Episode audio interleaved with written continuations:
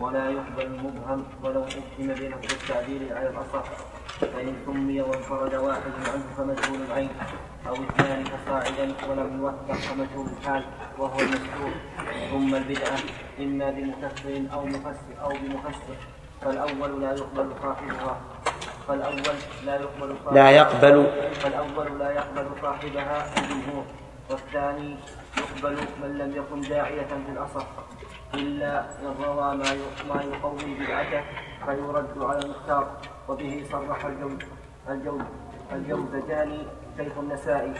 بس بس بس. بسم الله الرحمن الرحيم. عندنا شرح الآن؟ ها؟ في الشرح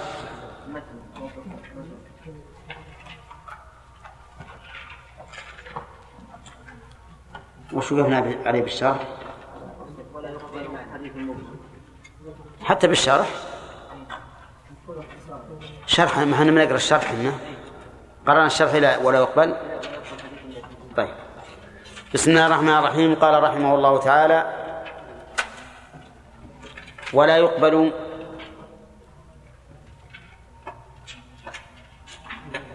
ما ندري. ولا يقبل حديث المبهم ولو أبهم بلفظ التعديل على الأصح. ولا يقبل حديث المبهم. يعني لو روى رجل عن شخص مبهم بأن لم يذكر باسمه العلم أو ذكر باسمه العلم الذي يشاركه غيره فيه. مثال الأول لو قال حدثني رجل الثاني لو قال حدثني محمد وكان لهذا الراوي شيخان. أحدهما ثقة والثاني غير ثقة وكل منهما اسمه محمد. فالشيخ الآن مبهم ولا لا؟ مبهم. فصار الإبهام يعني من صوره ولا له صور متعددة. من صوره أن يذكر باسم غير علم. فيقول حدثني رجل أو يذكر بعلم إيش؟ مشارك يشاركه فيه غيره وأحدهما غير ثقة. مثل حدثني محمد أو يذكره بغير لقبه المعروف. المهم لها أسباب كثيرة. فهل يقبل تعديل مبهم أو لا؟ يقول المؤلف رحمه الله إنه لا يقبل ولو أبهم بلفظ التعديل. مثل أن يقول حدثني عدل حدثني رجل ثقة حدثني من أثق به وما أشبه ذلك فإنه لا يقبل أما الأول وهو المبهم بغير لفظ التعديل فعدم قبوله ظاهر لماذا؟ ها؟ للجهالة للجهالة وأما الثاني فعلة عدم القبول أنه وإن كان عدلا عند الراوي عنه فقد يكون في حقيقة الأمر غير عدل. قد يكون غير عدل. ونقول لماذا لم يذكره باسمه حتى يتبين للناس؟ لماذا يقول حدثني من أثق به؟ فنقول هذه العلة إذا كانت هي العلة حق حقيقة فينبغي أن يفصل فيها. فيقال إذا علمنا من الراوي إذا علمنا من الراوي أنه ذو دين وعلم بأحوال الرواة وأنه لا يمكن أن يكذب إذا قال حدثني من أثق به وهو ذو علم بأحوال الرواة فلا يمكن أن يوثق إلا من هو ثقة فإنه ينبغي أن يقبل. وقولهم لماذا لم يعينه؟ نجيب عنه بأنه قد لا يعينه لسبب من الأسباب كالخوف عليه مثلا. كالخوف عليه. وتعلمون أنه في صدر الإسلام حصل خلافات سياسية. حتى أن بعض الناس ما يستطيع أن يحدث بالحديث خوفا على نفسه. فلهذا نقول إن القول الراجح في هذه المسألة أنه إذا كان المعدل ممن يوثق بتعديله لأمانته مش بعد؟ وعلمه بأحوال الرواة فإنه ينبغي أن يقبل. أرأيت لو أن هذا الرجل لم يروي عن هذا الشيخ وقال فلان عدل أفلا يقبل التعديل؟ بلى يقبل. إذا كان من أئمة الجرح والتعديل قبلنا قوله وسيأتي شرف الشرح الخلاف. ولهذا قال المؤلف ولو أبهم بلفظ التعديل على الأصح. نعم. قال فإن سمي وانفرد واحد عنه فمجهول العين. إن سمي من؟ الراوي. سمي. لكن لم يروي عنه إلا واحد. يسمى مجهول العين عند المحدثين. مثل أن يقول رجل حدثني فلان بن فلان ونتتبع طرق الحديث فلا نجد هذا الحديث إلا من رواية هذا الشيخ عن هذا الرجل فقط ولم يروي ولم يروي عن هذا الرجل إلا واحد. نقول هذا الرجل مجهول العين. لماذا؟ لأنه ما لأنها لا تثبت عينه إلا برواية اثنين. برواية اثنين. فلهذا سموه مجهول العين. طيب رواية مجهول العين تقبل ولا لا؟ ولا ما تقبل؟ ما تقبل لأن الجهالة طعن في الراوي كما سبق. نعم. فمجهول العين يقول و أو أو اثنان. أو اثنان فصاعدا ولم يوثق فمجهول الحال وهو المستور. إذا روى عنه اثنان فصاعدا ولم يتكلم أئمة الجرح والتعديل فيه بجرح ولا تعديل.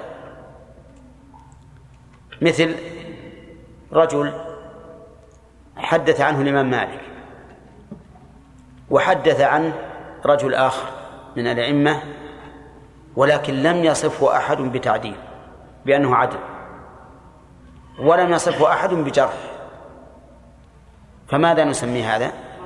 نسميه مجهول الحال. وجهالة هذا أهون من جهالة الأول. لماذا؟ لأنها عرفت عينه بشهادة برواية الاثنين عنه.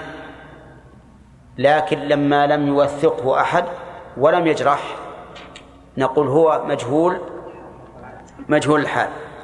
وفي قبول روايته خلاف سيأتي إن شاء الله قال المؤلف ثم البدعة البدعة هي السبب التاسع من أسباب الطعن في الراوي. والبدعة في الأصل هي الشيء المبتدع أي المبتكر. ومنه سميت البئر أول ما تحفر سميت بدعا يعني مبتدعة جديدة. وفي الاصطلاح هي التعبد بما لم يكن عليه النبي صلى الله عليه وسلم وأصحابه عقيدة أو قولا أو فعلا. كذا محمد ما هي؟ شرعا التعبد بما لم يشرع النبي صلى الله عليه وسلم عقيدة أو قولا أو اعتقادا بما لم يتعد. بما لم يتعبد به النبي عليه ولا أصحابه. إيش؟ عقيده إي نعم. أو قولا نعم. أو تعبدا أو عقيدة هي اعتقاد. أو فعلا طيب. التعبد بما لم يكن عليه الرسول وأصحابه عقيدة. مثل بدع الأشاعرة والمعتزلة والجهمية وأشباههم. أو قولا كبدع الصوفية ونحوهم ممن يبتدعون أذكارا ما أنزل الله بها من سلطان. أو فعلا ها؟ الرافضة. أي الروافض. نعم.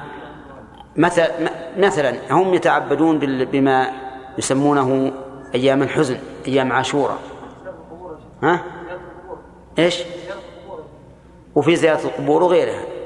المهم أن البدعة هي التعبد بما لم يشرع أي بما لم يكن عليه الرسول عليه الصلاة والسلام وأصحابه عقيدة أو قولا أو فعلا. أما ما ليس عن سبيل ما ليس على طريق التعبد فهذا لا يسمى بدعة وإن لم يكن موجودا في عهد الصحابة. لا يسمى بدعة. ولهذا يخطئ بعض الناس يجعل كل شيء جديد يسميه بدعة.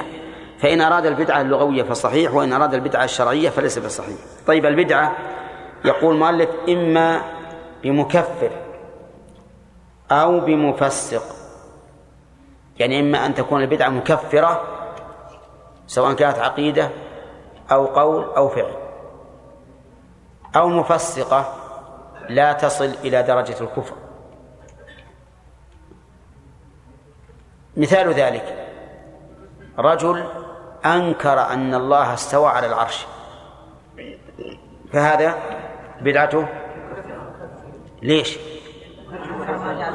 لأن هذا لأن هذا تكذيب.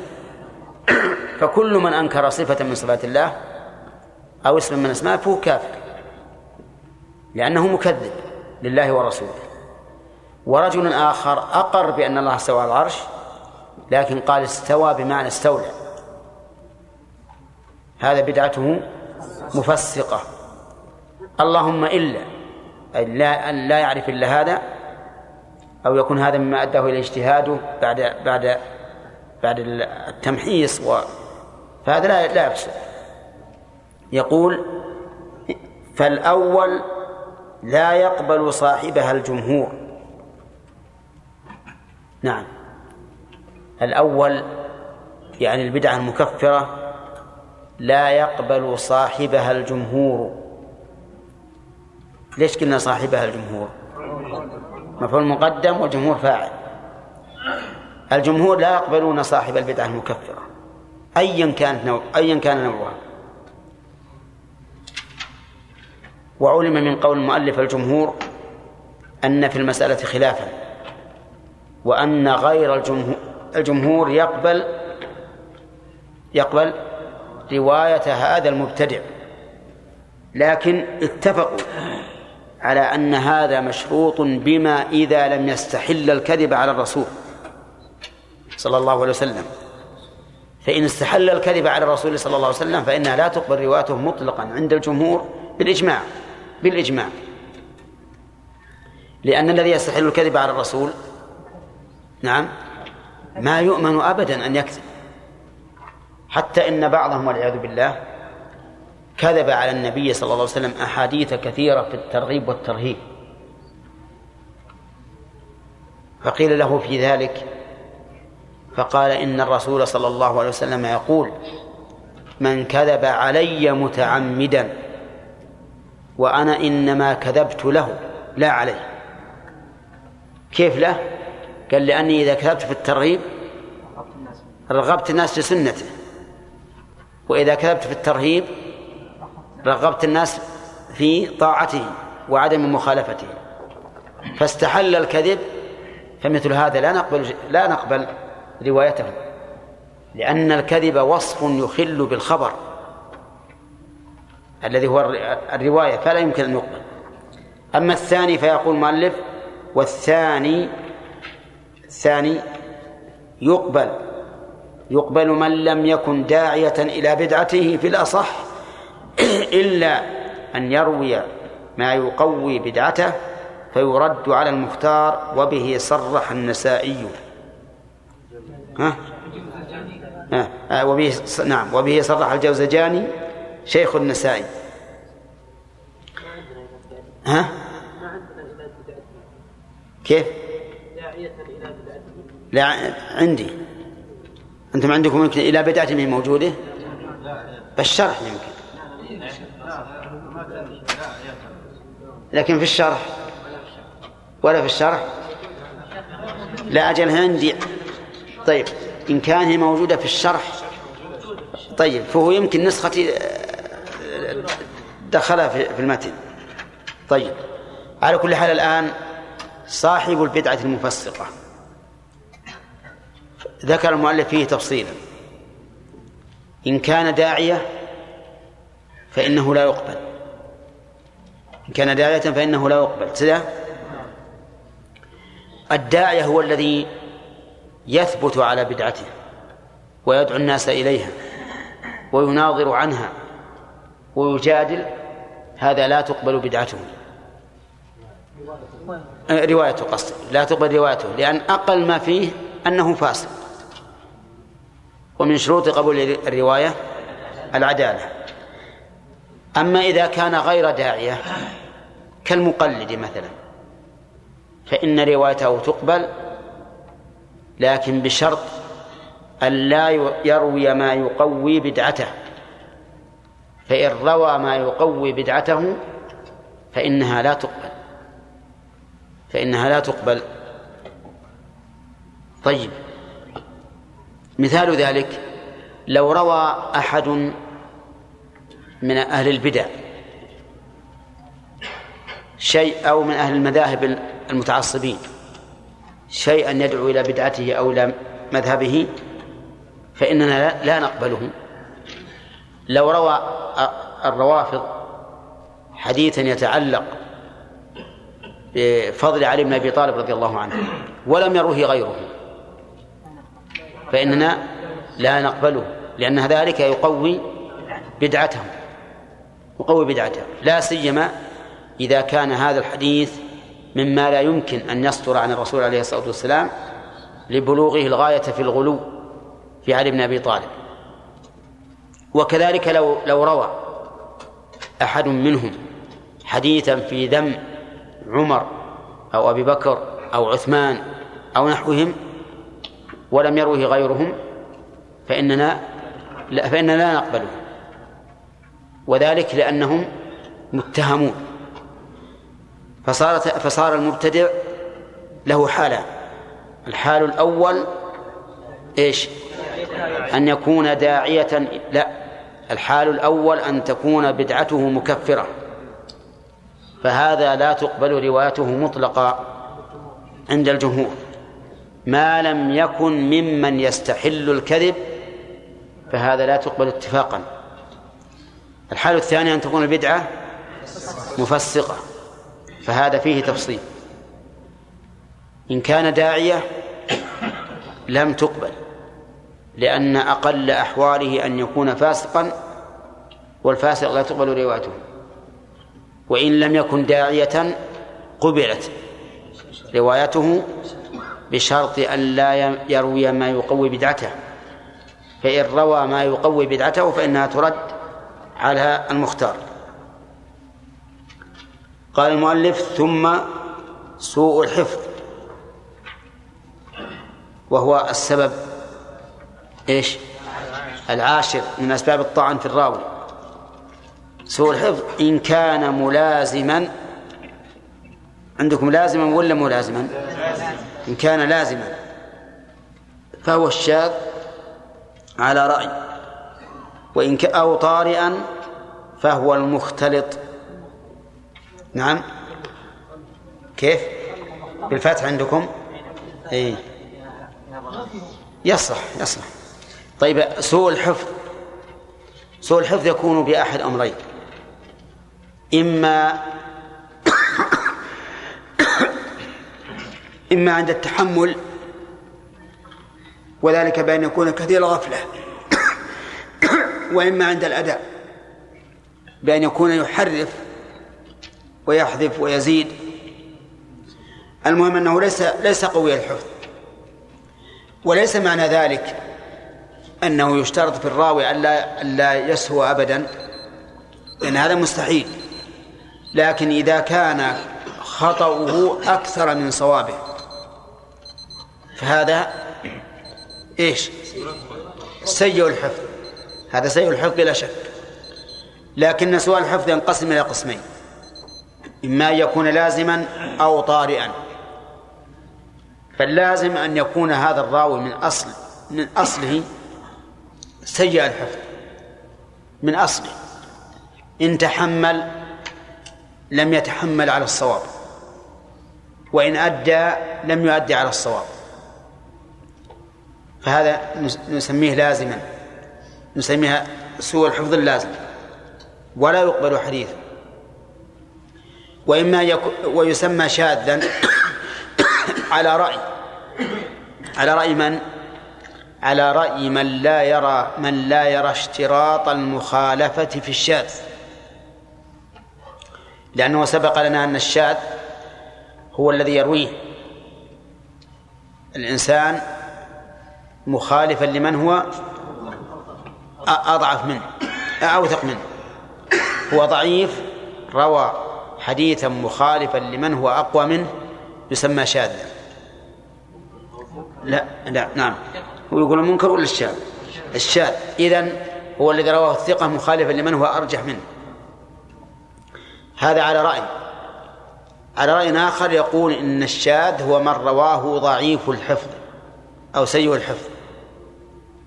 الملازم له سوء الحفظ. أما إذا كان طارئا كيف يكون طارئ سوء الحفظ؟ لكبر أو مرض أو احتراق كتب أو ما أو فقدان أهل أو أصحاب حصل له بذلك اختلاف في عقله. هذا نسميه نسميه مختلطا أو مختلطا يقول ومتى توبع طيب ماذا نعمل في هذا المختلط؟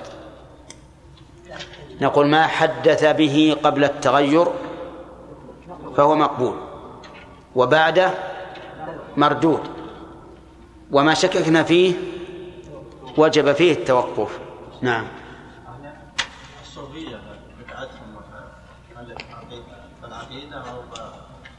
لا بالعقيدة وبالأذكار وبالأفعال أيضا.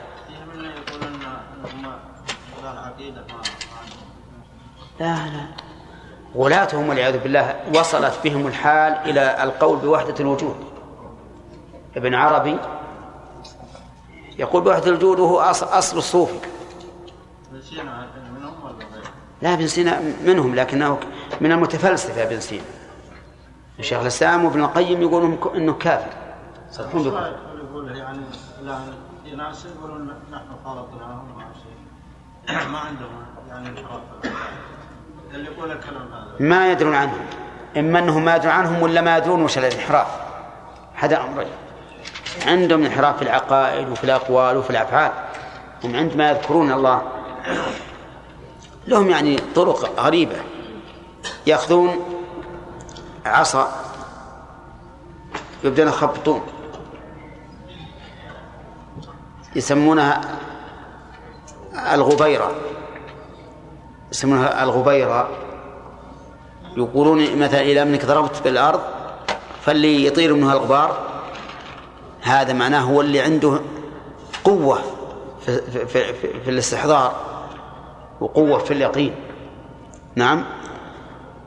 إلى الحد. لكن الآن نقول هذا هذا خبل في الواقع. يقدرون يجيبون تراب ولخبطوا ها؟ يتعور التراب. ويقدر واحد ينظف مكانهم تنظيف كامل ويبلهم ماء ولا جو يخبطون ما لقوا غبار. مساكين. هذا هذا من الافعال المنكرة البدعية.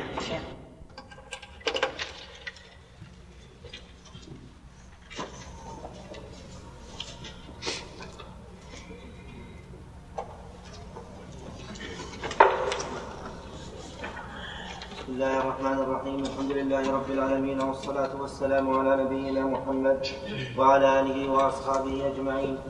قال المؤلف رحمه الله تعالى ولا يقبل حديث مبهم ما لم يسمى لأن شرط قبول الخبر عدالة راويه ومن أبهم اسمه لا تعرف عينه فكيف عدالته؟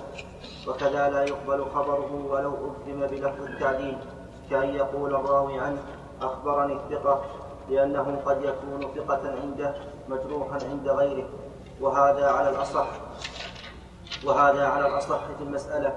ولهذه النكتة لم يقبل المرسل ولو أرسله العدل جازما به لهذا الاحتمال بعينه. وقيل يقبل تمسكا بالظاهر إذ الجرح على خلاف الأصل. وقيل إن كان القائل عالما أجزأ ذلك في حق من يوافقه في مذهبه. وهذا ليس من مباحث علوم الحديث والله الموفق طيب إذن كما سبق لنا إذا قال الراوي حدثني الثقة حدثني من أثق به حدثني من لا أتهم نعم هذا عد له ومع ذلك لا يقبل. فإن قال حدثني رجل أو شيخ أو ما أشبه ذلك فهو أيضا لا يقبل. أما الأو أما الثاني فكما قال المؤلف لأن من لا تعرف عينه لا تعرف عدالته ومن شرط قبول الخبر عدالة المخبر به. الثاني الذي قال حدثني من أثق به أو حدثني الثقة أو حدثني من لا أتهم أو نحو ذلك من العبارات يرد على كلام يرد على كلام المؤلف الذي صحح لأنه قد يكون ثقة عنده وليس ثقة عند غيره. ولكن فيه القول الثالث أنه إذا كان المعدل عالما بأسباب التعديل وأمينا فإنه يقبل. وقلنا أن هذا هو هو الراجح. إذا كان عالما بأسباب القبول وأمينا فإنه يقبل. لأن مثل مثل هذا الرجل لا يمكن أن يقول حدثني من أثق به أو حدثني ثقة إلا وهو عالم. وكما أنه لو وثقه من غير أن يروي عنه فهو مقبول التوثيق فكذلك إذا وثقه مع الرواية عنه. اي نعم.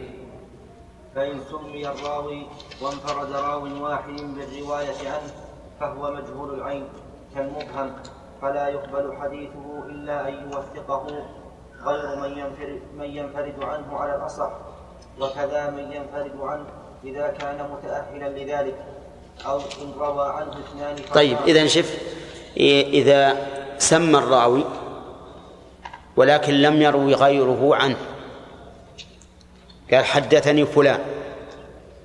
ففتشنا في كتب التراجم والحديث ولم نجد يروي عن هذا الرجل إلا هذا. يعني ما روى عنه إلا واحد. نسميه مجهول العين. مجهول العين. حكمه من حيث قبول خبره كالمبهم. كالمبهم. لكن هنا قال رحمه الله يقول وكذا إذا وثقه من ينفرد عنه إذا كان متأهلا لذلك. ففرق بين المبهم وبين المسمى. فالمسمى الذي لم يروي عنه إلا من سماه إذا وثقه وهو أهل للتوثيق على رأي المؤلف يقبل ولا لا؟ يقبل. بينما المبهم على رأيه لا يقبل. والصحيح أن الباب فيهما واحد فإن هذا الرجل الذي لم يروي عنه إلا من وثقه هو في الحقيقة لا يعلم إلا من جهته.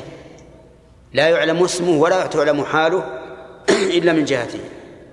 فإذا كان أهلا للتوثيق وأمينا في الحكم عليه بالثقة فإننا نحكم بصحة الحديث. هنا.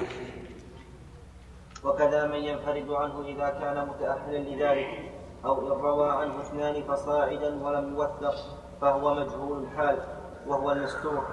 وقد قبل روايته روايته جماعة بغير قيد وردها الجمهور. والتحقيق أن رواية المستور ونحوه مما فيه احتمال لا يطلق القول بردها ولا بقبولها بل هي موقوفة إلى استبانة حاله كما جزم به إمام الحرمين. ونحوه ونحوه قول ابن الصلاح في من جرح في من جرح بجرح غير مفسر. ثم البدعة. نعم هذه هذا الكلام من من المؤلف رحمه الله يعني قصد على سبيل الإطلاق. وإلا فإننا نقول إذا روى الشخصان عن الشيء عن شيء عن رجل وسمياه ولم يرد توثيقه عند علماء الحديث فلماذا لا نقول إن رواية روايتهما عنه توثيق له لأنهما لولا أنهما يريان أن هذا الرجل مقبول الخبر لم يروي عنه لا سيما إذا اختلف زمن الرواية لا سيما إذا اختلف زمن الرواية فإنه إذا اختلف زمنها يبعد جدا أن يتواطأ على على نعم على الرواية عنه مع عدم ثقته. فالحاصل الراجح أنه إذا روى عنه اثنان ولم يوثق فإن روايتهما عنه توثيق حتى وإن لم يوثقاه إذا كان من أهل إيش؟ التوثيق والأمانة. لكن المؤلف يرى أنه من الأشياء التي يتوقف فيها. فلا تقبل ولا ترد إلا بقرينة. تدل على القبول أو على الرد. نعم. ثم البدعة وهي السبب التاسع من أسباب الطعن في الراوي وهي إما أن تكون بمكفر كأن يعتقد ما يستلزم إيه، أظن أظنكم لا لم تنسوا تعريف البدعة لغة؟ ها؟ واصطلاحا أو لا؟ أنا أستجموها. طيب. البدعة لغة الشيء المبتدع المبتكر. أو الابتكار. وفي الشرع التدين أو التعبد لله عز وجل بغير ما كان عليه الرسول صلى الله عليه وسلم وأصحابه من عقيدة ها؟ أو أو قول أو فعل. طيب. ثم البدعة وهي السبب التاسع من أسباب الطعن في الراوي وهي إما أن تكون بمكفر كأن يعتقد ما يستلزم الكفر أو بمفسر فالأول قول المؤلف كأن يعتقد لو قال أو يفعل أو يقول. ما دمنا نفسر البدعة بأنها التعبد لله تعالى بغير ما كان عليه الرسول عليه الصلاة والسلام وأصحابه أو بغير ما شرعه من عقيدة أو قول أو فعل فإن تقييدها بالعقيدة فيه نظر. ولكن قد يقول قائل المؤلف لم يقيدها بالعقيدة وإنما قال كأن يعتقد والكاف هذه للتشبيه والمراد المثال فقط. وهذا يعني التمثيل لا الحصر نعم. فالأول لا يقبل صاحبها الجمهور وقيل يقبل مطلقا وقيل إن كان لا يعتقد حل الكذب بنصرة مقالته قبل قبل. والتحقيق أنه لا يرد كل مكفر ببدعة كل كل. والتحقيق أنه لا يرد كل كل مكفر ببدعته. لأن كل كل مكفر. والتحقيق أنه لا يرد كل مكفر ببدعته لأن كل طائفة تدعي أن مخالفيها مبتدعة وقد تبالغ فتكفر مخالفيها. فلو أخذ فلو, فلو أخذ ذلك على الإطلاق لاستلزم تكفير جميع الطوائف. فالمعتمد أن الذي ترد روايته من أنكر أمرا متواترا من الشر معلوما من الدين بالضرورة. وكذا من اعتقد عكسه. فأما من لم يكن بهذه الصفة وانضم إلى ذلك ضبطه لما يرويه مع ورعه وتقواه فلا مانع من قبوله. طيب الذي عليه الجمهور أن البدعة إذا كانت مكفرة فإنه يرد صاحبها.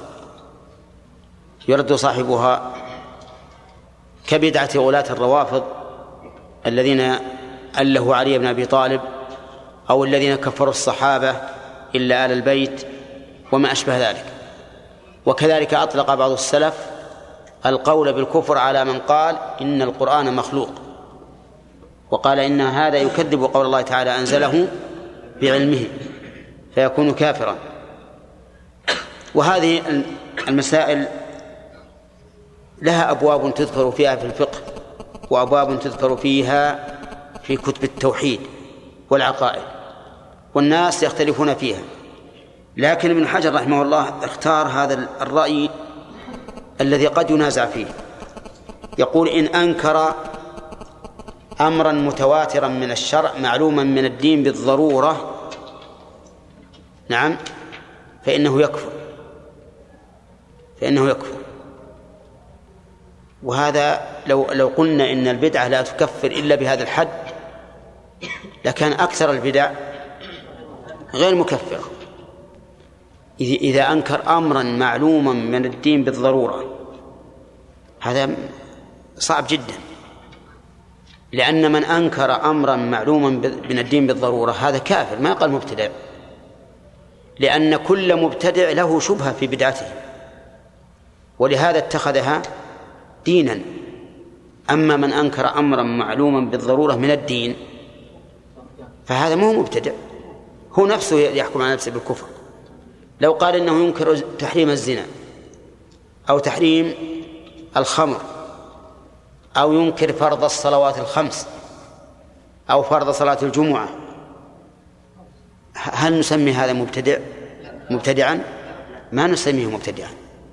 فكلام المؤلف رحمه الله غير محرر في هذه المسألة. بل نقول إن البدعة البدعة كل إنسان مبتدع يعتقد أنه على على حق. لاحظوا يا جماعة كل أهل البدع يعتقدون أنهم على حق. ولا ينكرون أمرا معلوما بالضرورة من الدين. لكن نحن نقول إذا كانت البدعة تستلزم تكذيب القرآن أو ما صح من السنة فهذه كفر. هذه كفر لا شك فيها لأن تكذيب خبر الله ورسوله كفر.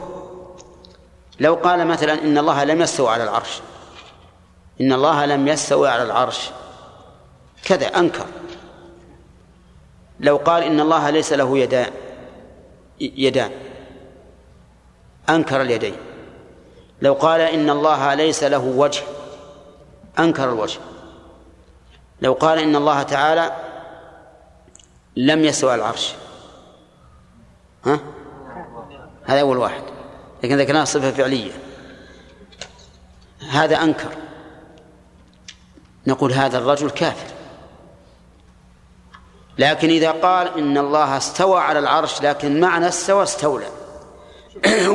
وإن لله تعالى يدين لكن معناهما القوة. وإن لله وجها لكن معناه الثواب.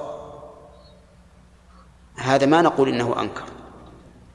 هذا أثبت لكن مع التأويل.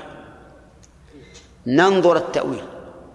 إذا كان له مساغ في اللغة العربية فإنه لا يكفر. إذا لم يكن له مساغ في اللغة العربية فإنه يكفر. لأن تأويل الكلام إلى ما لا مساغ له لغة معناه نعم هو تكذيبه. هذا تكذيبه فلو قال قائل مثلا لرجل مثلا اشترى سيارة. هذا اشترى مسجلا.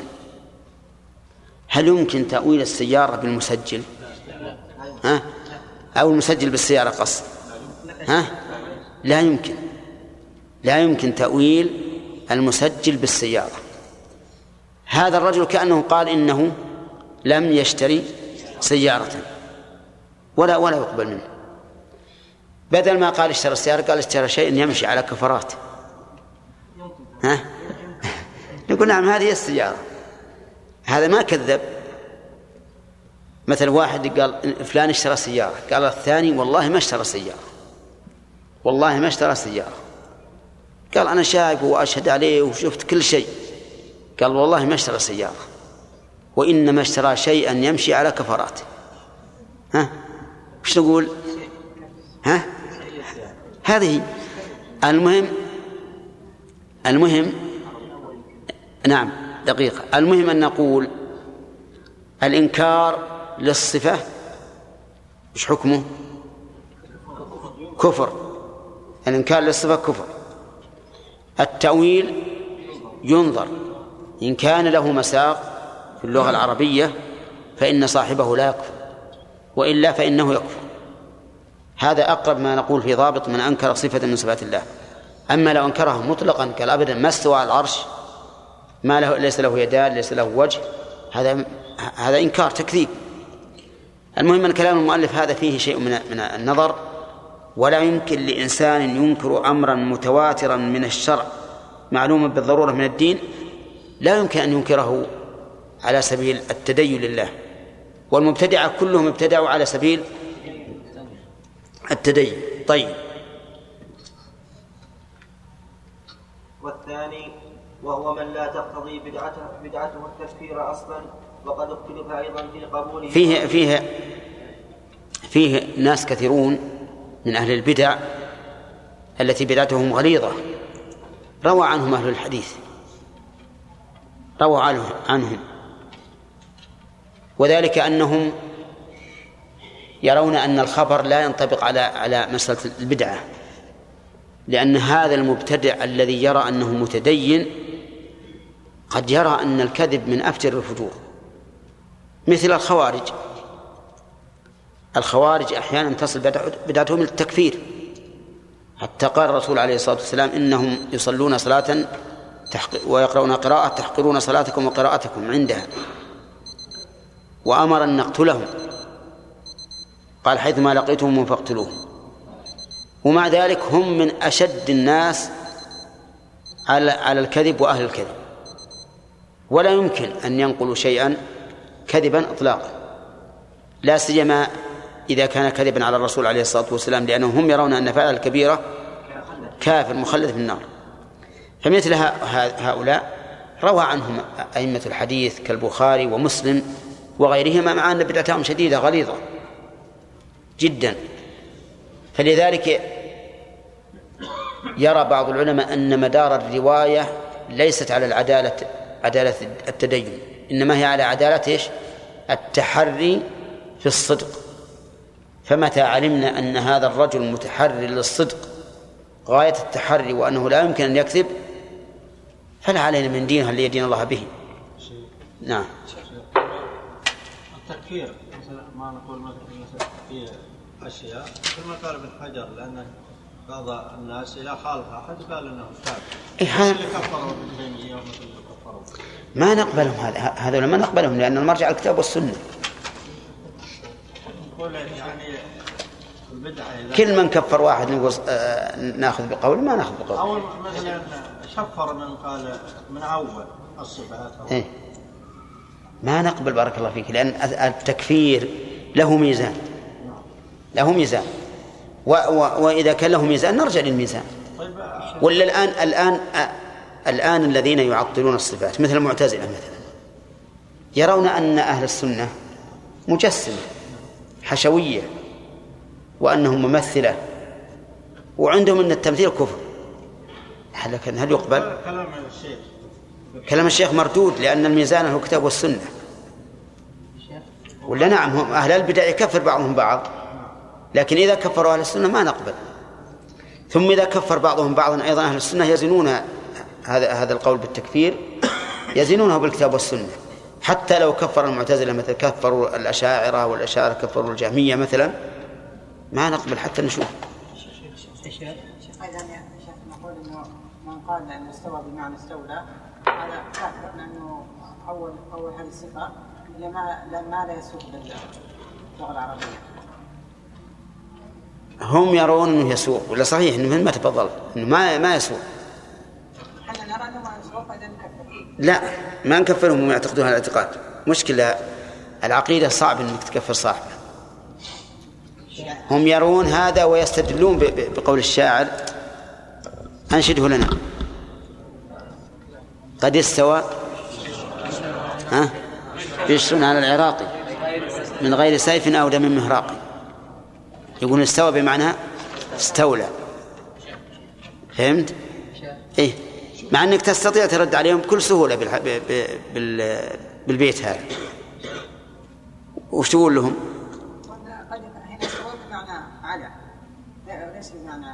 استوى على العراق. يعني ان بشر لما فتح العراق طار وصار فوقه ها. يعني على بمعنى يعني العلو المعنوي إي. زين. هذا هذا وجه. نعم. البيت هذا ما يعرف قائله لا ال- ال- قيل الأخطل إن الكلام لا في الفؤاد. هنا المجاز بقرينه إي وهذا أيضا مجاز بقرينة. وهو تعذر أن يكون عاليا علوا ذاتيا فوق العراق. شيخ نعم. بعد معنى انساني ها؟ بشر كيف؟ أي لا. خلاص يلا. نعم يا طلال لما قلت يا شيخ أن يعني إذا كان له وجه في اللغة مستساغ ألا ليس لولا نقيد ونقول مثلا وجه مستتار ابتداء ولا ولا بحثا لأنه كثير من المعاني في اللغة أو الكلمة إذا اطلقت ابتداء يكون لها وجه في اللغة ولكن لما تبحث بحسب قرائنها لا أي نعم نعم صحيح. لا ابتداء ابتداء ابتداء ابتداء ولا كل كل تأويل أول فهو من حيث السياق لا وجه له. إذا نقول إذا كان له وجه آه، في اللغة في اللغة. إيه في اللغة. ابتداء يعني مثل كلمة اليد في اللغة تأتي بمعنى القوة. لكن في سياق معين ما تأتي بمعنى القوة مثل لما خلقت بيدي. لكن نقول ما دام احتملت معنى القوة لغة يكفي. كل انسان ياخذ الف ظاهر يقول أنا ابتداء افهم منه كذا نقول له لما حللت؟ لما لا تدبر؟ إي نعم لأنه لأنه مشكلة. هو يقول ما ينظر للقرائن والسياق. ما تدبر إي ما تدبر. لو تدبروا ما ما صار إشكال. وعلى آله وأصحابه أجمعين. قال المؤلف رحمه الله تعالى والثاني وهو من لا تقتضي بدعته التكفير أصلا وقد اختلف أيضا في قبوله ورده. فقيل يرد مطلقا وهو بعيد. وأكثر ما علل به أن في أن في الرواية عن ترويجا لأمره وتنويها بذكره. وعلى هذا أن لا يروي عن مبتدع شيء شيء يشاركه فيه غيره وعلى هذا ينبغي ينبغي نعم. إي نعم. وعلى هذا ينبغي.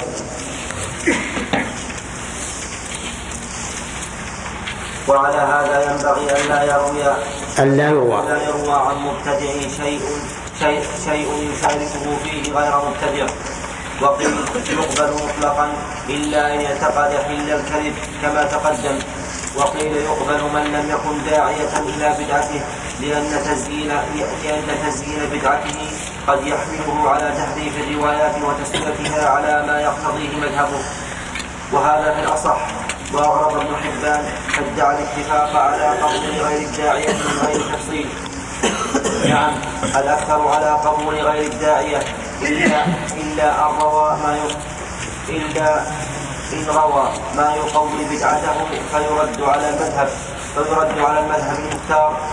وبه صرح الحافظ أبو إسحاق أبو إسحاق إبراهيم بن يعقوب الجوز الجوزجاني شيخ أبي داود والنسائي في كتابه معرفة الرجال.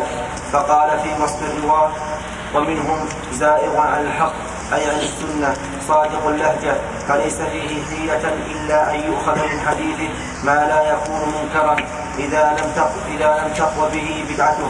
انتهى. وما قاله متجه. لأن العلة التي لها رد حديث الداعية واردة فيما إذا كان ظاهر المروي يوافق مذهب المبتدع ولو لم يكن داعية والله أعلم. الحاصل المؤلف رحمه الله ذكر أن البدعة تنقسم إلى قسمين مكفرة ومفسقة. المكفرة هي التي يكفر مبتدعها فهذه لا يقبل صاحبها الجمهور. جمهور أهل العلم يرون أنها لا تقبل روايته لأنه كافر. وإذا كان الله أمرنا أن نتبين من خبر الفاسق فرد خبر الكافر واضح. طيب. وقال غير الجمهور إنها تقبل روايته إلا أن يكون داعية أو يروي ما يقوي بدعته. القسم الثاني المبتدع بدعة لا تكفر ولكن تفسق. فهذا إن كان غير داعية قبلت على الأصح. وإن كان إلا أن يروي ما يقوي بدعته فلا تقبل وإن كان غير داعية. وإن كان داعية لم تقبل. إذن التي لا تفسق متى تقبل؟ إذا كان غير داعية ولم يروي ما يقوي بدعته. نعم فهذا يقبل. هنا هذا خلاصة ما ما ذهب إليه ابن حجر رحمه الله. ثم سوء من اللي إيه لو تقول له يخفض صوته شوي. نعم. ثم سوء الحفظ وهو السبب العاشر من أسباب الطعن والمراد به من لم يرجح من لم يرجح جانب إصابته جانب. من لم يرجح جانب إصابته على جانب خطئه وهو على قسمين. إن كان لازما للراوي في جميع حالاته فهو الشاذ على رأي على رأي بعض أهل الحديث. أو كان سوء الحفظ طارئا على الراوي إما إما لكبره أو لذهاب بصره أو لاحتراق كتبه أو عدمه أو عدمها. بأن كان يعتمدها فرجع يعتمدها. بأن كان يعتمدها فرجع فرجع إلى حفظه فساء فهذا هو المختلط طيب آه، سوء الحفظ هو الذي لا تترجح جانب لا يترجح جانب إصابته على خطئه نقول هذا سيء الحفظ. فيكون من تساوى خطأه وصوابه سيء الحفظ. كذا؟ من باب أولى. ومن ترجح خطأه على صوابه ها؟ فهو من باب أولى. إذن إن ترجح جانب صوابه على خطأه فليس سيء الحفظ. لأنه يقول من لم يترجح جانب إصابته على جانب خطئه. كذا؟ هذا سيء الحفظ. وليس المراد من لم يخطئ أصلا. وليس المراد أن من وقع منه خطأ ولو يسيرا فهو سيء الحفظ. لا ليس هذا هو المراد. فالناس بالحقيقة منهم من يكون خطأه كثيرا أكثر من صوابه. فهذا سيء الحفظ. ومنهم من يكون صوابه وخطأه سواء وهذا أيضا سيء الحفظ ومنهم من يكثر خطأه يعني قصد صوابه ولكن فيه خطأ. فهذا ليس بسيء الحفظ وذلك لأنه لا ينسى منه أحد. ما من أحد إلا وينسى أو يخطئ. هذا سوء الحفظ ينقسم إلى قسمين. إما أن يكون لازما أو طارئا. فإن كان لازما وصف حديثه بالشاذ. على رأي من لا يرى اشتراط المخالفة. لأنه مر علينا في أول الكتاب أن الشاذ هو ما رواه الثقة مخالفا لمن هو أوثق منه. هذا ليس بثقة سيء الحفظ. فإذا روى شيئا فهو شاذ على رأي بعض أهل العلم. أما على رأي الجمهور فيقولون ضعيف ولا يقولون أنه شاذ. لأن ما فيه مخالفة بل هو ضعيف. لأن من شرط الصحيح أن يكون إيش؟ أن يكون تام الضبط أو خفيف الضبط ويكون حسنا. نعم. طيب. إن كان طارئا سوء الحفظ طارئا بأن يكون هذا الراوي يحدث من كتبه.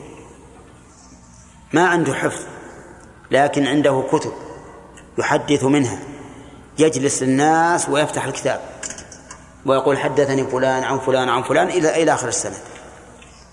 ثم إن كتبه فقدت احترق احترقت سرقت أصابها تلف. المهم أنه ضاعت عليه. يسمى هذا إيش؟ مخت... نعم يسمى مختلطا أو مختلطا. لأنه قبل أن تحترق كتبه كان ثقة إذ أنه يحدث منها. وبعد أن ضاعت أو تلفت أو احترقت ساء حفظه. لأنكم لأنكم تعلمون أن الرجل الذي يعتمد على الكتابة يكون حفظه قليلا. والإنسان اللي يعتمد على الحفظ يكون حفظه كثيرا. ولهذا تجد بعض العامة أشد حفظا من طلبة العلم. لأن طالب العلم يعتمد على الكتابة والعامي على الحفظ. والذاكرة كغيرها من القوى تتمرن. فكما أن عمل اليد وعمل الرجل يتمرن والإنسان العامل الذي يشتغل يكون أقوى من. من الرجل الكسلان. كذلك الحافظة تتمرن إذا مرنتها على الحفظ صارت أحفظ وأقوى. طيب هذا الذي يحدث من كتبه ثم تلفت يسمى مختلط. حكم حديثه استمع إليه من كلام ابن حجر. فهذا هو المختلط. الحكم فيه أن ما حدث به قبل الاختلاط إذا تميز قبل وإن لم يتميز توقف فيه وكذا من اشتبه الأمر فيه وإنما يعرف ذلك باعتبار الآخذين عنه. طيب هذا المختلط صار له حالة ولا لا؟ حال قوة وحال ضعف.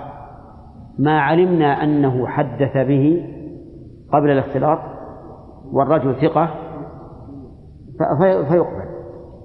وما علمنا أنه بعد الاختلاط فلا يقبل. وما شككنا فيه فإنه يجب التوقف فيه. لاحتمال أن يكون قبل الاختلاط فيقبل أو بعده فلا يقبل. والمؤلف رحمه الله يقول ما ذكر إذا إذا علمنا بعد؟ يقول يقبل أن ما حدث به قبل الاختلاط إذا تميز قبل وإن لم يتميز توقف فيه. وسكت عن الثالث لوضوحه وهو إذا كان بعد الاختلاط فإنه لا يقبل. لكن بماذا نعرف أنه قبل الاختلاط أو بعده؟ يقول المؤلف رحمه الله باعتبار الآخذين عنه. فإذا علمنا أن هذا التلميذ الذي يحدث عنه كان قد اتصل به قبل الاختلاط لا بعده. فهذا يقبل. يعني نعرف أن هذا التلميذ اللي يحدث عنه لم يأخذ عنه بعد اختلاطه إما لكونه قد مات أو لكونه هذا قد حدث في بلد ثم ارتحل عنها قبل احتراق كتبه أو ما أشبه ذلك فإننا نقبله. إذا علمنا أن هذا التلميذ الذي يحدث عنه لم يتصل به إلا بعد الاختلاط ها؟ فإننا لا نقبله لا نقبله. إذا كان هذا التلميذ قد أخذ عنه قبل الاختلاط وبعد الاختلاط. ولم يميز ها؟ فهذا نتوقف. فيه وكذلك لو اشتبه علينا هذا التلميذ هل هو أخذ عنه قبل الاختلاط أو بعده؟ فإننا نتوقف. فصار التوقف له صورتان. الصورة الأولى أن يكون المحدث عنه ممن اتصل به قبل الاختلاط وبعده. ولم يميز حديثه. ماذا نعمل؟ نتوقف فيه. يعني ما ندري. أو نشك في الرجل نفسه. في الرجل نفسه. مو في الحديث. في الرجل نفسه. هل اتصل به قبل الحديث؟ قبل الاختلاط أو بعده؟ فيجب التوقف. نعم. ها؟ طيب. يقول رحمه الله ومتى توبع السيء الحفظ؟ من سيء الحفظ؟ من لم يترجح جانب إصابته على خطئه. يقول متى توبع؟ بمعتبر كأن يكون فوقه أو مثله لا دونه فإنه يصير حديثه حسنا لغيره. إذا توبع سبق لنا معنى المتابعة. اشتراك التلميذين في شيخ واحد في المتابعة التامة وفي شيخ شيخهما تكون متابعة قاصرة. المراد هنا المتابعة التامة. أو نأخذ بالعموم نقول متابعة تامة أو قاصرة إذا توبع بمعتبر يعني بإنسان يعتبر بأن يكون مثله في الثقة قبل الاختلاط أو فوقه فإن حديثه يكون إيش؟ حسنا لغيره حسنا لغيره لأن تعدد الطرق يزيد الخبر قوة فإن توبع بأقل منه بإنسان ضعيف فإنه لا لا يقبل. مثل توبع بشخص متهم بالكذب أو بشخص معروف بالكذب فهذا لا فائدة منه. هذا لا فائدة منه. إن لم يضر ما نفع. وكذا المختلف الذي لم يتميز والمستور والإسناد المرسل وكذا المدلس إذا لم يعرف المحذوف منه. صار حديثهم حسنا لا لذاته بل باعتبار المجموع.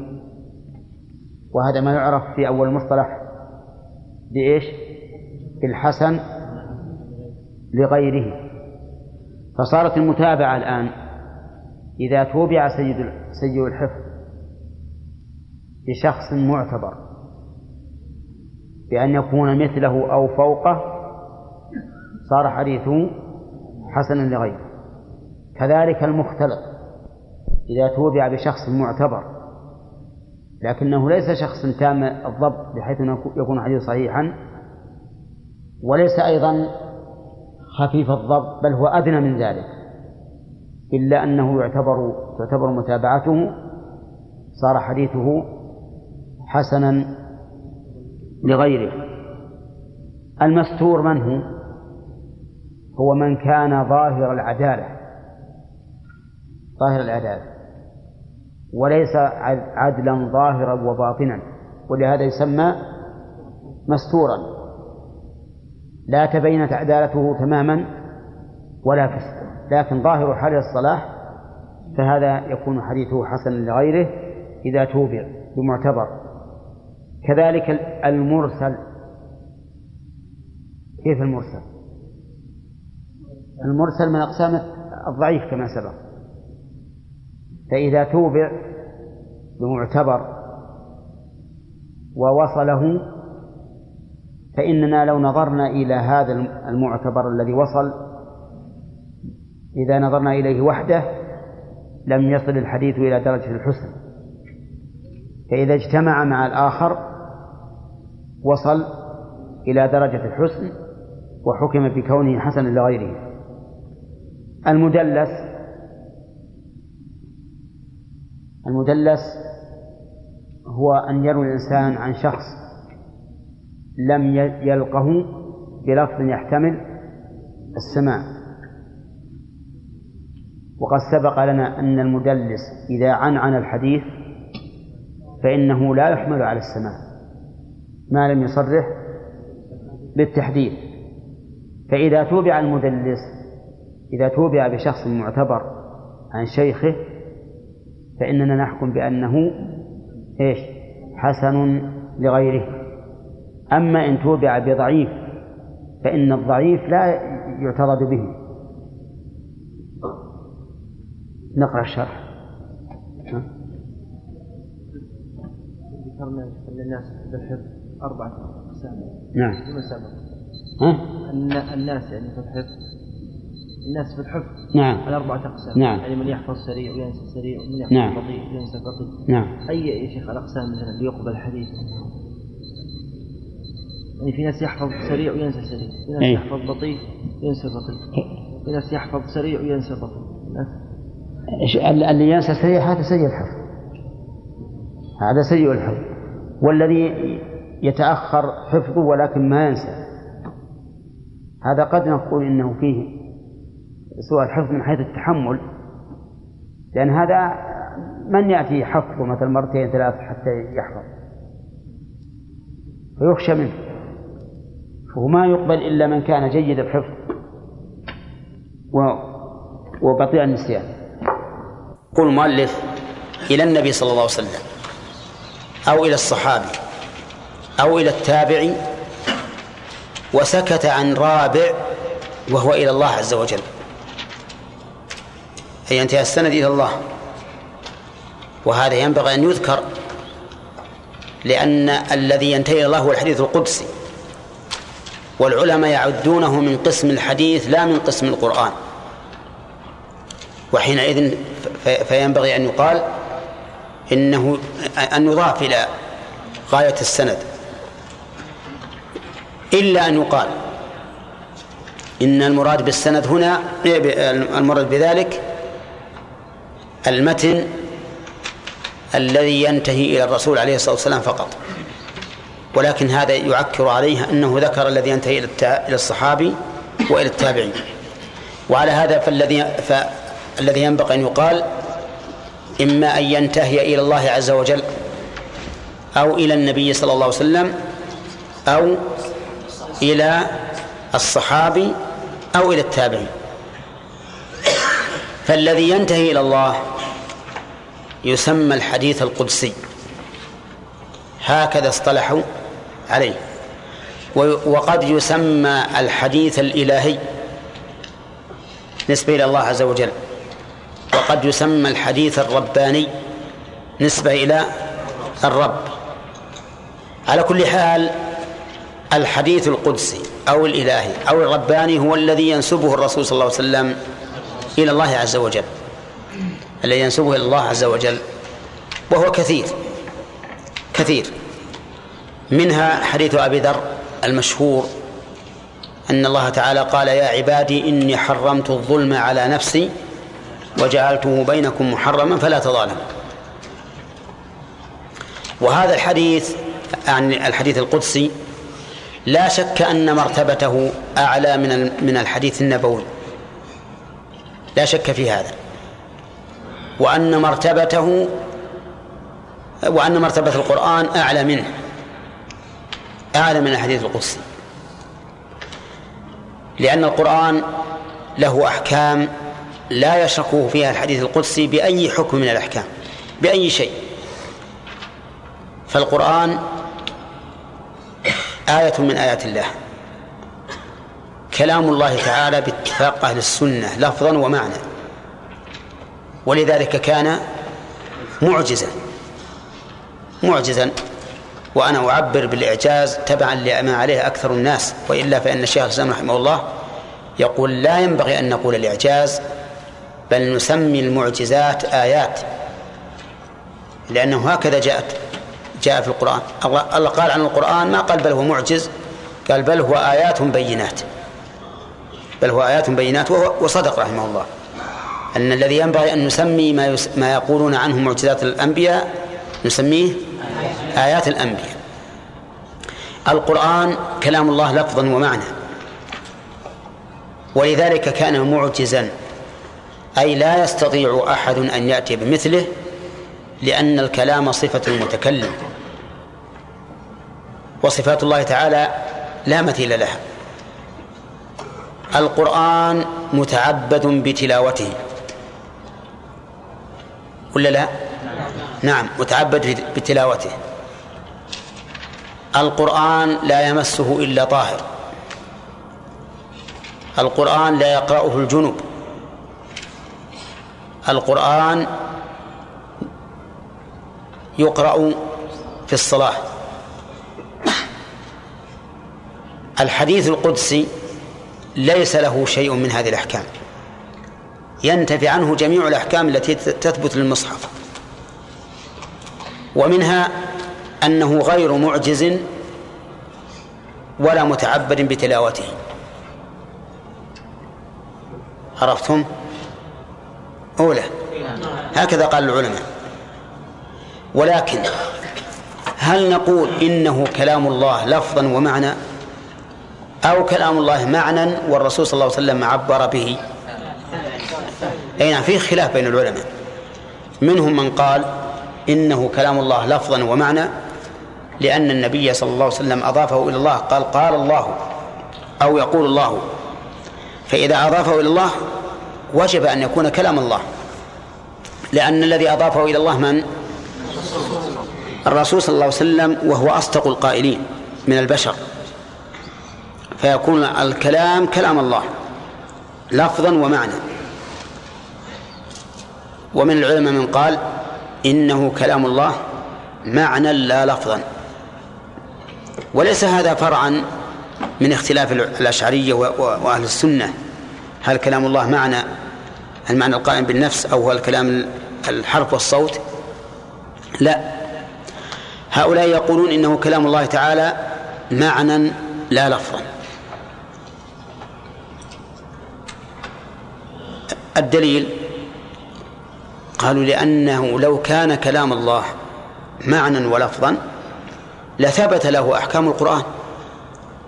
إذ الكل كلام الله والشرع لا يفرق بين بين متماثلين.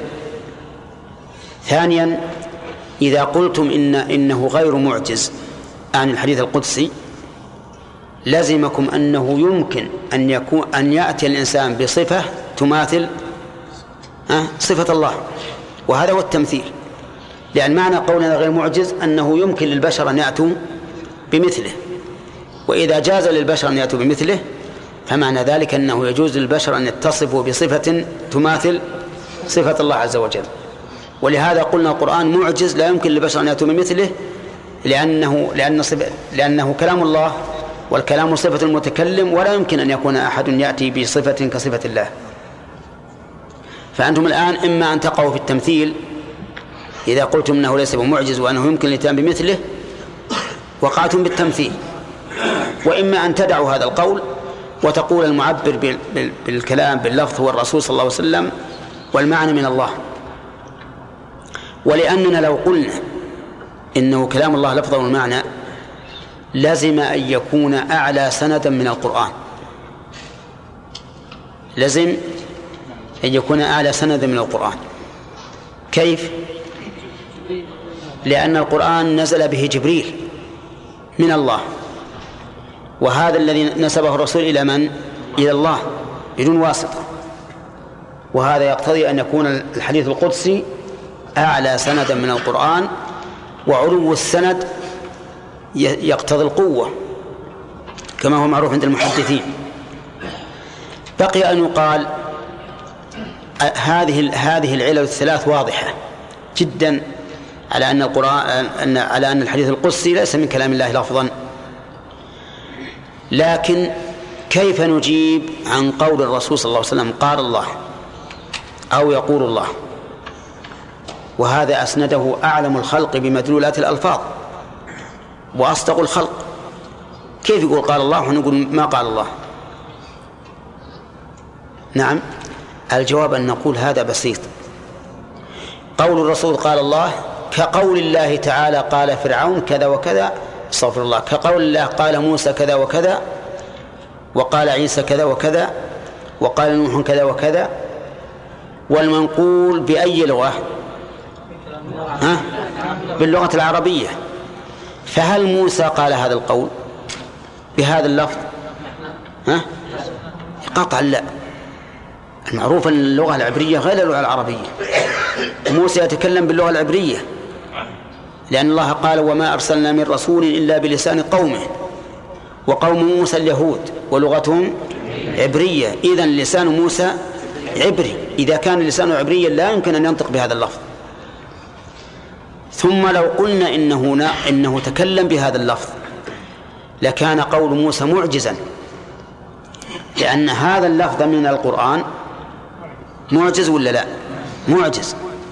وهذا يقتضي أن يكون قول موسى أيضا معجزا بل يكون قول فرعون معجزا. قال فرعون وما رب العالمين؟ هل قال فرعون بهذا اللفظ؟ لا قطعا لا. واضح؟ ويدلك على أن الله ينقل الكلام السابقين بالمعنى. قوله قالوا أرجه وأخاه وابعث في المدائن حاشرين. في الآية الثانية قال قالوا أرجه وأخاه وأرسل في المدائن حاشرين.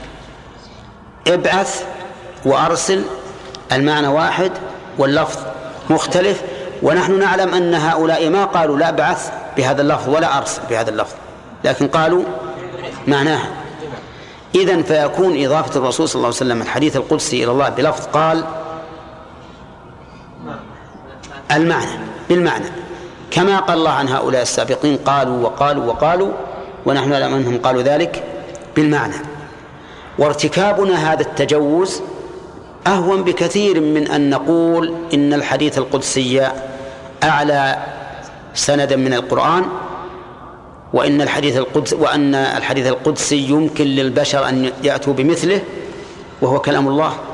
كلام الله صفة من صفاته ما أحد يأتي بمثلها أبدا. أو أن نقول الوجه الثالث. لا إله إلا الله. الوجه الثالث يا جماعة. الوجه الثالث أن نقول إن إن إن هذا نعم. إن هذا القرآن أولا أن الحديث القدسي آل سنة من القرآن. هذا ممتنع. الحديث القدسي غير معجز. القرآن متعبد بتلاوته. ويصح قراءته في الصلاة وهذا لا يصح. يعني جميع أحكام القرآن لا تترتب عليه. كل أحكام القرآن ما تترتب على الحديث القدسي. نعم الآن فهمنا ذكرت الثانية. لو كان لو كان الحديث القدسي كلام الله لفظا ومعنى لوجب أن تثبت له أحكام القرآن الكريم. لماذا؟ لأن الشريعة لا تفرق بين متماثلين. ونحن إذا جعلناه كلام الله لفظا ومعنى لزم أن يكون مماثلا للقرآن الكريم وإلا لزم أن تكون الشريعة متناقضة. وهذا شيء مستحيل. إذن فالقول الصحيح أن الحديث القدسي كلام الله بالمعنى. لكن يرد على هذا أيضا أن يقال كل كلام الرسول صلى الله عليه وسلم هو كلام الله بالمعنى. هو كلام الله بالمعنى.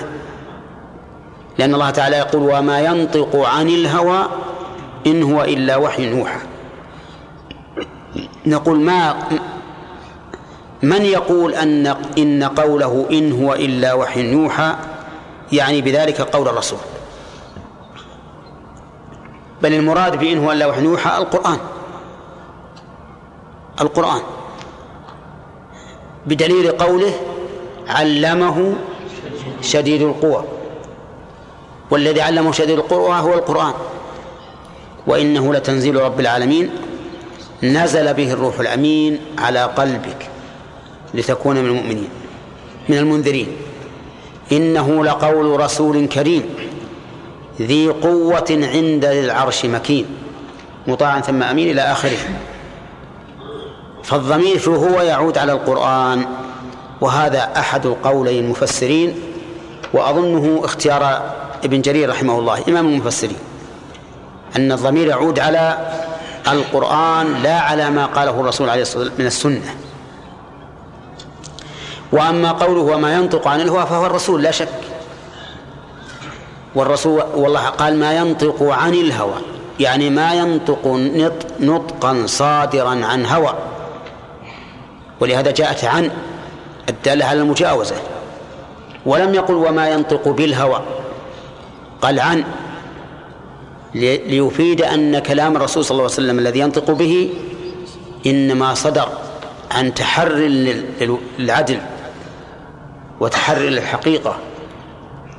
فهو ينطق عن غير هوى. أما نحن فما أكثر ما ننطق عن الهوى. ولا لا؟ ولهذا الإنسان منا إلى إذا استشهد في شيء له فيه مصلحة؟ نعم. يعني يرجح شوي مع اللي له مصلحة فيه. لولا قوة الإيمان من بعض الناس تمنعه من ذلك لعصف به الهوى. المهم أن الله قال ما ينطق عن الهوى صدق الله عز وجل وصدق الرسول الكريم. ما ينطق الرسول عن الهوى أبدا. إنما ينطق إيش؟ عما يرى أنه الحق. والعدل. واضح؟ وهذا كل من تأمل سيرة الرسول صلوات الله وسلامه عليه يعلم علم اليقين أنه لا يمكن أن يقول شيئا عن هوى أبدا. بل لا يقوله إلا عن طلب للحق وتحري للعدل بقدر ما يستطيع. فإن قلت كيف علمنا أن الله عز وجل شرع هذا إذا قلنا إنه ليست السنة كلها صادرة عن شرع عن وحي من الله؟ نقول إقرار الله إياه على أمر يتعبده يتعبد به له يدل على رضا الله عن هذا الأمر. يدل على رضا الله عن هذا الأمر. ولذلك إذا اجتهد الرسول عليه الصلاة والسلام اجتهادا وصار غيره أرجح منه نبهه الله عليه. ولا لا؟ في قصة الأسرى أسرى بدر. شا- شاور النبي عليه الصلاة والسلام الصحابة منهم من أشار بأخذ الفداء رحمة بالمأسورين وانتفاعا للمسلمين بالفداء ومن هؤلاء أبو بكر رضي الله عنه. ومنهم من غلب جانب ال- ال- القوة. وقال نقتل هؤلاء لأنهم أئمة الكفر.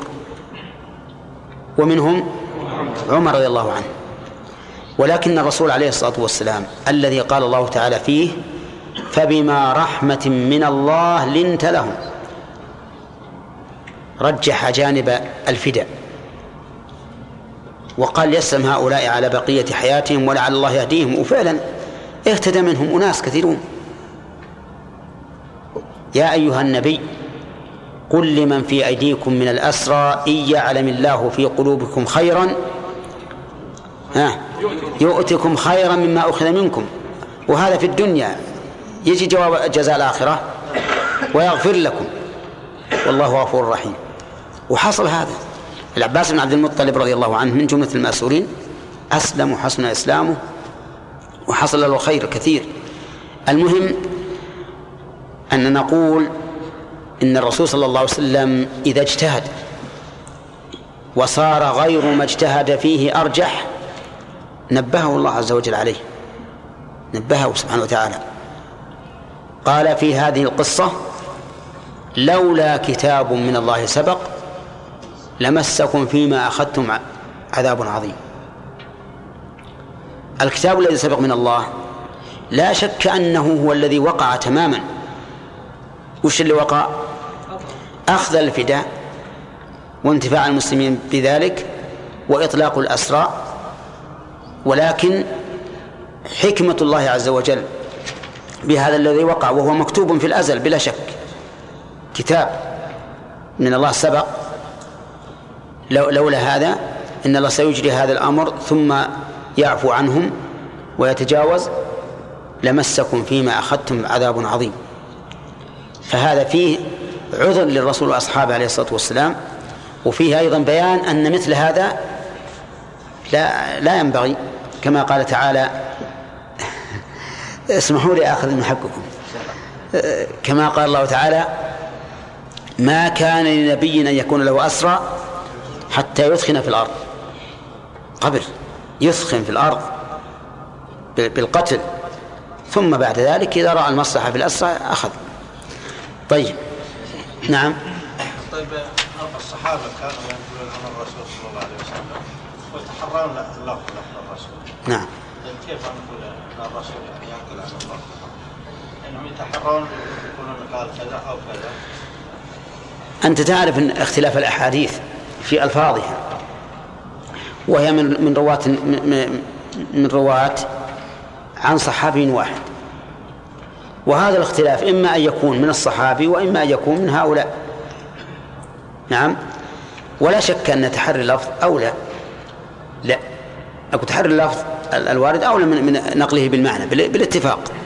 سمعت عن ابن مسعود يعني إنه لا كان بيحدث عن الرسول يعني إي نعم. يتحرى اللفظ والمعنى أيضا. يخشى أن ينسى. لا شك في هذا. لكن نحن قلنا ان ان إننا إذا قلنا انه لفظه يرد علينا هذه الإرادات العظيمة اللي معنا جواب. معنا جواب. نعم. شيخ هذه الآية أنه لا كتاب من الله نعم. لأن لأنها هي الشورى التي شاور الرسول عليه الصلاة والسلام الصحابة فيها إيه. ما إلا بعد هي- بعيدة أقول هذا يدخل في هذا. لأن كل اللي وقع مكتوب. المشاورة والأخذ بهذا الرأي وأخذ ال- ال- الفداء وإطلاق الأسرى كله مكتوب. نعم. إذا قال الله بمعنى بلفظ الله تعالى ينقل يعني في القرآن كلام موسى كلام هذا بالمعنى. نعم. مثل شيخ في مثل الآيات؟ نقل الله في اللفظ والمعنى نعم. مثل كلام المنافقين وكلام هذا. نعم. كله بالمعنى. لا يقول صاحب لا تحسب إن الله معنا. نعم. يعني ما شيء. ال- الحديث اللي ورد الحديث اللي ورد ما هو على هذه الصفة. قال له ما ظنك باثنين؟ الله ثالثهم. هنا. كلام المنافقين. نعم. نفس كلام المنافقين. لا يحتمل إن زيد بن أرقم إنه جاب الآية. يعني اختار لفظ الآية على ما لفظ به أبي عبد الله بن أبي. نعم. يعني قولنا هذا يجوز يقول قال فلان كيف؟ يعني يجوز. الواحد يقول قال فلان ويقول ما فهمه من كلامه اي يجوز كيف؟ وحنا كل كل ما ننقل عن الناس من هذا المعنى. ما هم محرر ألفاظهم ب- ب- بأدمغتنا. يعني نقول قال فلان. قال فلان ولذلك تجد الواحد يحدث عن فلان بحديث وبعد مدة يحدث بنفس الحديث يقول قال لي فلان كذا وكذا وتجد فيه اختلاف. أنت يعني الآن ملتزم أنك تنقل لفظ؟ كأنك ملتزم إن شاء الله الزاب أطالبك كل ما قلت أنا الليلة. نعم. بعض بعض العلماء يقولون يا شيخ ما يجوز نطلق الخطأ على النبي صلى الله عليه وسلم وإنما نقول إن هذا كتبه الله له عليه حتى يكون حتى يكون ما, ما ينزل فيه يعني من من تبيين الخطأ يعني تشريعا للامه فيعني لا هو إطلاق لفظ الخطأ على الرسول ما ينبغي. بس يقال مثلا إنه مرجوح أو ما أشبه ذلك لأن إطلاق لفظ الخطأ فيها شيء من سوء الأدب. إنما الواقع هو خطأ. هو خطأ. لكن هل هو خطأ متعمد؟ لا. ولهذا هو خطأ مخطئ لا خطأ خاطئ. يقول شيخ يعني إذا كان الله سبحانه أراد أن لا يكون يعني أراد الله سبحانه أن يكون هذا الخطا حتى يعني يكون ما يأتيه. يعني من ابدا ابدا ما هو بصحيح. إلا أراد الله هذا الخطأ عز وجل هذا هذا المرجوح. أحسن نقول هذا المرجوح. ليبين أن الإنسان بشر. يرد عليه من الأحوال البشرية ما, ما, ما يرد على غيره. هذه الحكمة العظيمة. حتى لا يتخذ إلها ويقال ما يمكن يخطئ. يا أيها النبي لما تحرم ما أحل الله لك؟ نعم. وهذا هذا الحقيقة رحمه الله بعض- بعض العلماء جاء به تكريما للرسول صلى الله عليه وسلم. لكن الحقيقة أن تكريم الرسول والله تنزيله منزلته. هذا هذا تكريمه. حتى هو يقول إنما أنا عبد. فقولوا عبد الله ورسوله. هذا التكريم. لو كان يريد التشريع ما ما يأتي بهذا. وذي كلمة يقول يلجأ إليها بعض العلماء مثل ما يلجأ بعض العلماء إلى كلمة منسوخ. كل ما عجز عن جمع بين دليلين ولا عرف التاريخ. قال هذا هذا منسوخ. وهذه طريقة غير صواب. يقول بعض الناس الرسول صلى الله عليه وسلم لا يمكن أن يذنب. ما يمكن يذنب. أبدا. ولكن يستغفر يستغفر الله عن ذنبه تعليما للأمة أو يستغفر الله عن ذنبه عن ذنب المؤمنين. مو عن ذنبه عن ذنب أمته. هذا معقول ذا؟ هذا ليس بمعقول إطلاقا ولا منقول. قال الله تعالى للرسول صلى الله عليه وسلم واستغفر لذنبك وللمؤمنين والمؤمنات. لذنبك بدأ بذنبه استغفر لذنبك وللمؤمنين والمؤمنات. اثبت له ذنب. وقال الله تعالى ليغفر الله لك ما ليغفر لك الله ما تقدم من ذنبك وما تأخر. وهو يقول اللهم اغفر لي ذنبي كله دقه وجل سره وعلانته اللهم اغفر لي جهلي وعمدي وخطئي وإسرافي في أمري أو على نفسي. نعم. أبو هريرة قال له حين رآه يسكت في الصلاة أرأيت سكوتك بين الصلاة بين التكبير والقراءة؟ ما تقول. قال قول اللهم باعد بيني وبين خطاياي كما بعدت بين المشرق والمغرب. اللهم نقني من خطاياي كما ينقى الثوب الأبيض من الدنس.